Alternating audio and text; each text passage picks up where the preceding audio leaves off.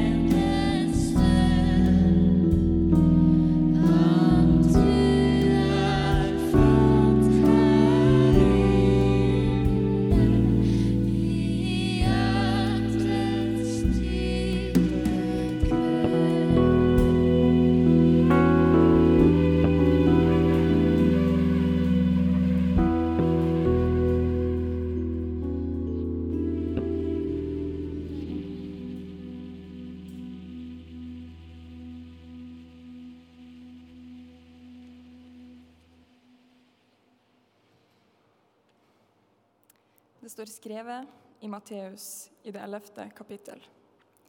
I fengselet fikk Johannes høre om alt Kristus gjorde. Han sendte bud med disiplene sine og spurte, Er du den som skal komme, eller skal vi vente en annen?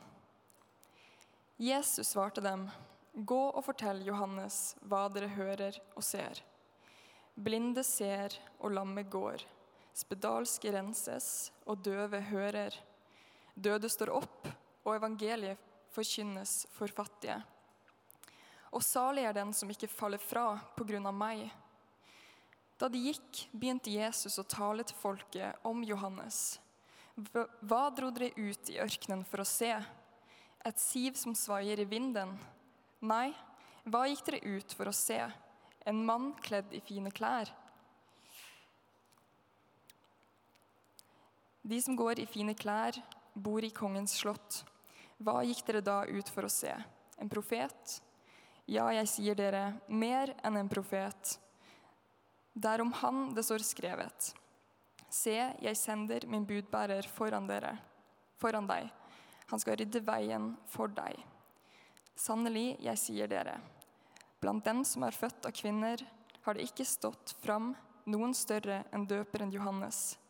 Men den minste i himmelriket er større enn ham. Slik lyder det hellige evangelium. Yes. God jul da, folkens. Nei, det er ikke lov. Det er ikke lov. Vi er, litt, vi er på en måte litt i julaften i dag. Um, og julaften det har jo på en måte allerede skjedd. ikke sant? Der er allerede nå. Men samtidig ennå ikke. ok? Og Det er litt der vi er i det som jeg har lyst til å si i dag. Snakke litt om det som allerede er her, men ennå ikke har kommet. Og Vi skal snakke litt eh, om det som jula handler om. Eh, jula er jo eh, en høytid som dypest sett handler om at Gud griper inn. Jula handler om at Gud griper inn. Og Vi bruker ofte et bilde at lyset skinner i mørket. Gud kommer med lys i mørket. Og det er jo veldig koselig. Hæ? Det er fint. Og så lurer jeg på Står vi av og til i fare for at det blir mest kos? Blir det bare ord? Blir det et bilde? Eller tror vi virkelig på at Gud kan gripe inn, kan gjøre noe for oss? Jeg har tenkt en del på dette her med å stole på Gud i det siste. Ta Gud med inn i livet. Kan Gud være en som hjelper oss i vanskelige livsvalg, i å finne veien? Hjelper det noe når vi sier at vi legger det i Guds hender? Kan jeg tro på at Gud vil gripe inn, være lys i mitt mørke når det blir tøft? Kort sagt, jeg har tenkt på dette. Kan jeg egentlig, og kan vi, stole på Gud i hverdagen? Og Det hang litt sammen med at For et par-tre uker siden så spiste jeg middag sammen med min gode kompis Kjetil eh, og mitt fadderbarn Anine, som eh, nå snart er ett år og fem måneder gammel. Og Da var det en greie at hun tok og reiste seg opp på den barnestolen uh, hun satt på. Og var liksom da, jeg vet ikke hvor høy hun er, på en måte så høy, og så sto hun én meter oppe i lufta. Og Så går hun helt ut på kanten, og så bare tipper hun ut mot faren sin. Og hvis ikke Kjetil hadde vært en sånn rutta oppmerksom far, så hadde Anine gått rett i bakken. Men det gikk heldigvis bra. Han slipper sant, det han har i hendene, og bare bam, tar imot. Så det gikk heldigvis bra, med unntak av fadderen som satt der med sånn halvveis eh, hjertestopp. Um, men så tenkte jeg videre etter det, og så begynte jeg å tenke på, for jeg hadde nettopp hørt Inge om, eh, preke om barnlig tillit. Så tenkte jeg sånn Wow! Er det det som er barnlig tillit? Eh, så mye stoler ikke jeg på noen. Og i hvert fall ikke Gud. Det er, det er ikke så mange trustfalls fra meg i retning Gud sånn i eh, hverdagen. Jeg syns egentlig det er tryggest å ha kontrollen selv. Kan vi stole på deg, Jesus? Er det deg vi har venta på? Spørsmålet kommer i dag fra døperen Johannes. Og Det kan virke som den store profeten, den uredde samfunnsrefseren, har kommet litt i tvil her han sitter i fangehullet. Han hørte rykter om hva Jesus drev med, men fikk det ikke helt til å gå opp. Om Jesus var frelseren som skulle komme, hvorfor sitter Johannes fremdeles med lenker i fengselet? Han spør, 'Er det deg?' Kan vi stole på deg, Jesus? Og I svaret som kommer, så er det ikke et snev av kritikk av Johannes sin tvil. Nei, det kommer egentlig en situasjonsrapport. Det er egentlig en oppsummering av alt det vi har hørt om disse tekstene vi har lest denne høsten. Om det som skjer, mirakelferden til Jesus i Galilea. Og samtidig så er det en oppfyllelse av de gamle profetiene. Jesus sier, 'Blinde ser, og lamme går'. Spedalske renses, og døve hører. Døde står opp, og evangeliet forkynnes for fattige. All right. Jeg lurer på hvordan Johannes tok imot det svaret. altså. Kanskje med genuin glede og lettelse. Ja, det var han. Men kanskje med også litt bitterhet. For ja, det er jo fint ikke sant, at noen lamme fikk gå, og kanskje en blind fikk se. Og ja, kanskje var det to mennesker som var døde, som ble reist opp fra de døde. Men Johannes sitter jo fremdeles i fengselet. Hvordan må det ha vært å få høre enda en gang om alle de miraklene Jesus gjør, mens du selv fremdeles sitter i fangehullet? Kanskje ga denne situasjonsrapporten fra Jesus Kanskje vakte den håp og glede. Kanskje vakte den forakt og fortvilelse. Og Det kan virke som om Jesus skjønner det, for han legger til Salig er den som ikke faller fra pga. meg. Han har jo nettopp sagt alle de gode tingene han gjør. Men så sier han dette, salig er den som ikke faller fra. Kan det hende at han skjønner at det skaper litt skuffelse for alle de som ikke opplevde mirakler? Det virker litt som at Jesus forstår at miraklene han gjør, og kanskje aller mest de han ikke gjør, kan skape frustrasjon og tvil. Og Samtidig som han sier han forstår, sier han ja, men hold fast. Tro allikevel. Eller kanskje aller mest sier han til Johannes hvil i troen. Vit at du er i de tryggestes hender. For miraklene er tegn på en Gud som bærer alt. Så er det disse spørsmålene. Kan vi stole på deg, Jesus? Går det an å satse på deg? Sånn i hverdagen, liksom. Spørsmålet kommer jo også fra oss. Vi som, er, vi som mer enn noe prøver å kontrollere livet, prøver å bygge det opp med timeplaner og fasadebygging, med tiårsplaner og penger og økonomi. Går det an å overlate noe av de greiene der til Gud? Kan vi stole på at Jesus bryr seg om oss, at han kan gjøre noe for oss? Greit nok. Noen blinde fikk se. Noen lamme fikk gå. Noen døde ble reist til liv for 2000 år siden. La oss si at vi tror på det. Men hva med de tusener som aldri fikk se? Hva med de millionene av mennesker som ba og ba og aldri så sine døde igjen? Jesus leverer ikke på løftene. Våre lenker, våre smerter er like reelle. Hvor er denne Gud som griper inn? Det har jeg tenkt litt på i det siste. Og På tirsdag så var det biskoppresentasjon her i eh, St. Jakob. Og Da fikk vi høre seks kloke mennesker som har satsa på Jesus. Og Vi fikk høre de eh, snakke om kirkas framtid, og det var veldig spennende og fint. Og så gjorde programlederen noe kult. Han tok og spurte kan dere i løpet av eh, kvelden her, kan dere dele en trosstyrkende opplevelse. Og Da jeg hørte de historiene, så ble jeg slått av hvor hvordan historiene alle starta med at de hadde det tungt. på en eller annen måte. Det var ikke én historie som var sånn Og nå er livet mitt perfekt, og derfor vet jeg at Gud har fiksa alt, og Gud fins. Nei, de fortalte at de satsa på noe, og så hadde det gått i grus. De hadde mista noen. De hadde mista livsgleden. Planene hadde gått i grus. Men så opplevde de noe i det, i det ukontrollerbare at det var noe som ga de tro og håp. Kan det være, lurer jeg på, at det er da Gud får lov til å slippe til. Når vi mister litt kontroll. Jeg kjenner i hvert fall det igjen for min egen del. Jeg er så opptatt av å kontrollere og fikse og ordne. Ha ting på stell. Til og med Gud kan på en måte bli et slags redskap i dette livet mitt som skal bli akkurat sånn som jeg vil. Og så er det egentlig først når jeg opplever at nå spinner alt ut av kontroll, nå kastes jeg ut i det. Om det er at døden kommer tett på, om planene det, Det ble ikke akkurat sånn som jeg hadde tenkt.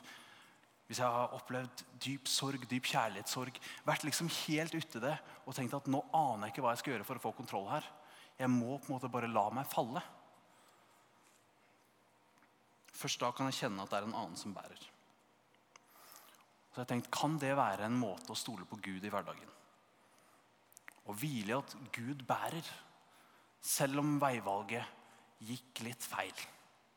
Selv om selvfølelsen fikk seg en knekk. Selv om miraklet som du ba om og ba om, aldri kom.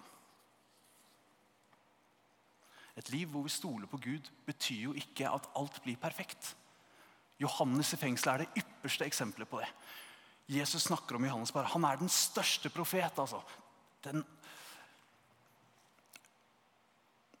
Men selv Johannes ble ikke fridd ut fra fengselet. Nei, han ble faktisk henretta, halshugga til slutt. Fordi han hadde talt rettferdighetens sak mot keiseren. Betyr det at Jesus glemte han? Eller kan det være at han var i Guds hånd hele tida. Men ikke på den måten vi forventa. Det er litt stilig. altså Jesus sier til denne gjengen i ødemarken, som har fulgt etter Johannes og eh, heia på han, og så sier han sånn ja, Hva kom dere egentlig ut hit for å se? Så kom dere hit for å se et siv svaie i eh, svaie vinden, er det de sier? I ødemarken. Ja. Eller så kom dere hit for å se en fyr i fine klær. Nei, selvfølgelig ikke. Dere hadde gode grunner. Dere kom for å høre den store profeten. Men hør nå. Nå får dere noe enda bedre. Noe dere ikke forventa. Nå skal lamme gå, nå skal døve høre. Gud griper inn. Og Når jeg leser den teksten, så tenker jeg at ja, vet du hva, vi får det samme budskapet her i St. Jakob i dag. Kanskje husker du hvorfor du kom til St. Jakob for første gang. Kanskje er du her for første gang i dag. Du kom ganske sikkert ikke for å se et siv svaie i vinden. Er det noen som kom for å se et siv svaie i vinden? Fint. Ingen er skuffa. Dere kom ganske sikkert ikke for å se to menn i hvit kjole heller. Hæ? Selv om, ja, jeg vet, Skuffende for oss, Inge. Kanskje kom du hit fordi du hadde lyst til å høre på den fine musikken. Eller du har lyst til å bli kjent med noen her. Kanskje kom du for å oppleve kulturen, eller kanskje kom du for å søke Gud. Jeg er ganske sikker på at dere hadde gode grunner. Men hør, her får vi noe enda bedre enn det vi kunne forestille oss. Budskapet om en Gud som søker oss, og som bærer oss i alt som er. Det er jula. Og Jeg skal vise dere et klipp nå. Ehm, de, de, som var her for tre år siden, dere husker kanskje dette klippet, men jeg syns det er fantastisk. Dette er OL-versjonen av juleevangeliet. All right?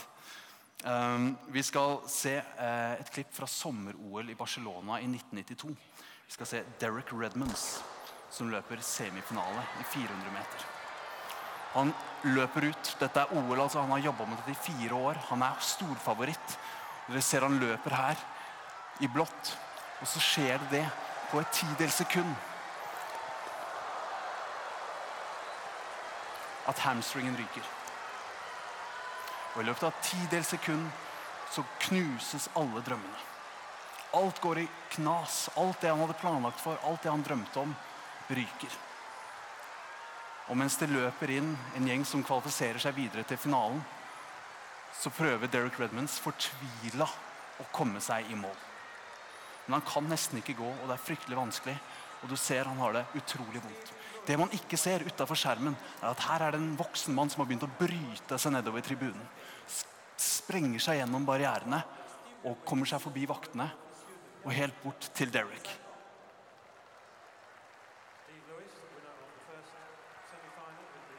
Og Så tar han imot hjelpen, og når Derek skjønner hvem det er, så bryter han helt sammen.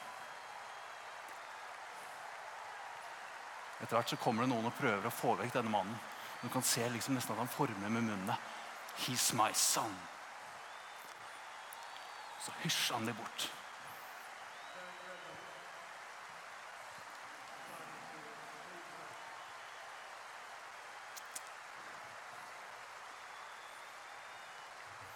Så går de sammen inn til mål.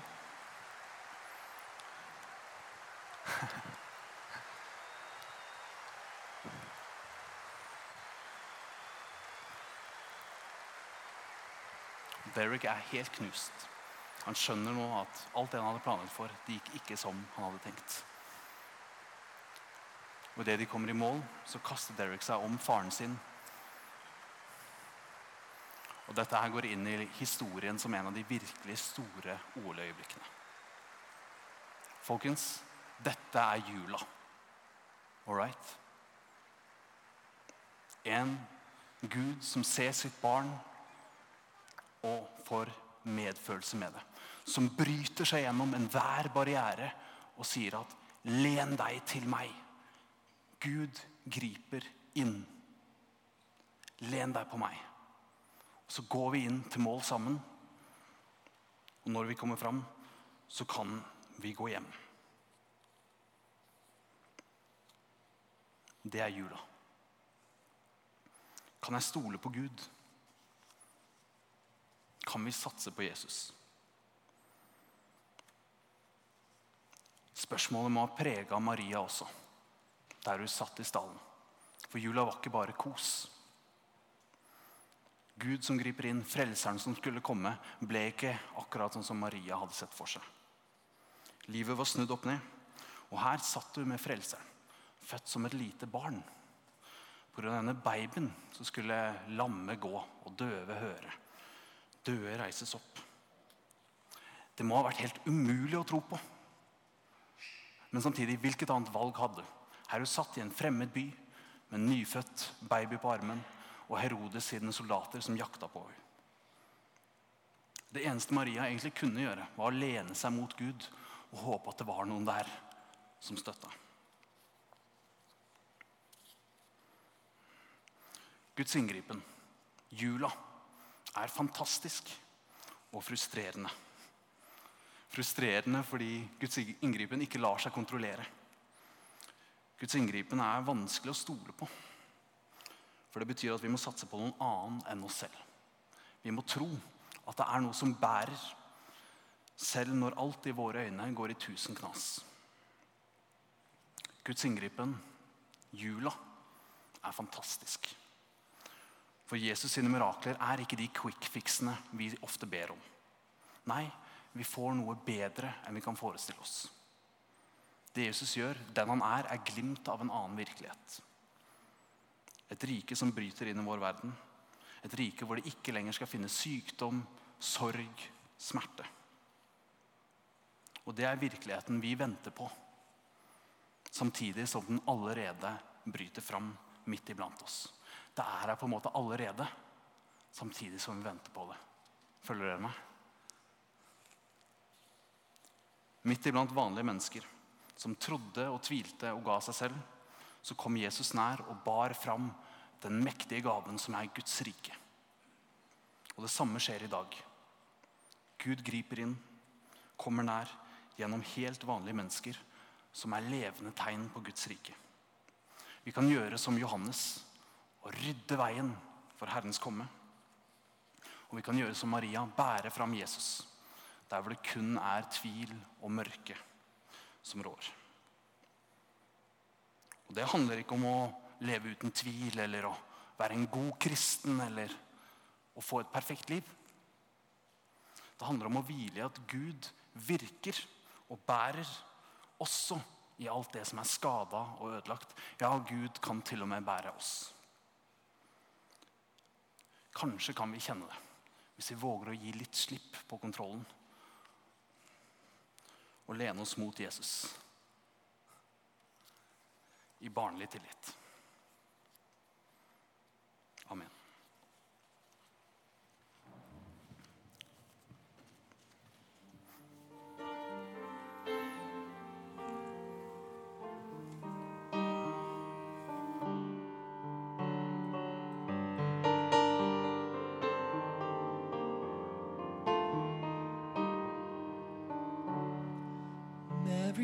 Did you know that your baby boy would one day walk on water?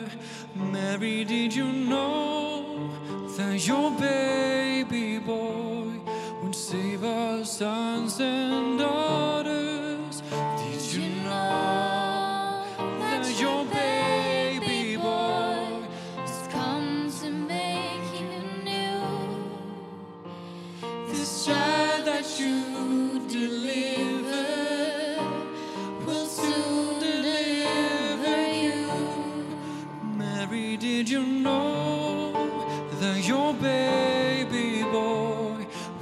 Side sight to a blind man.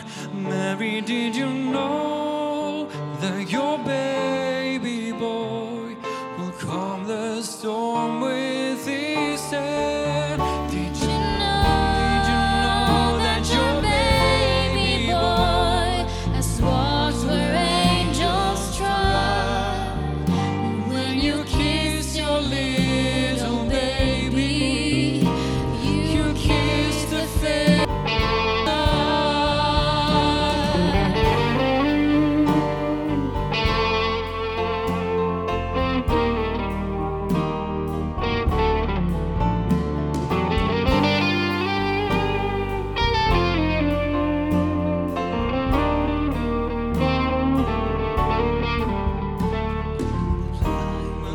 you.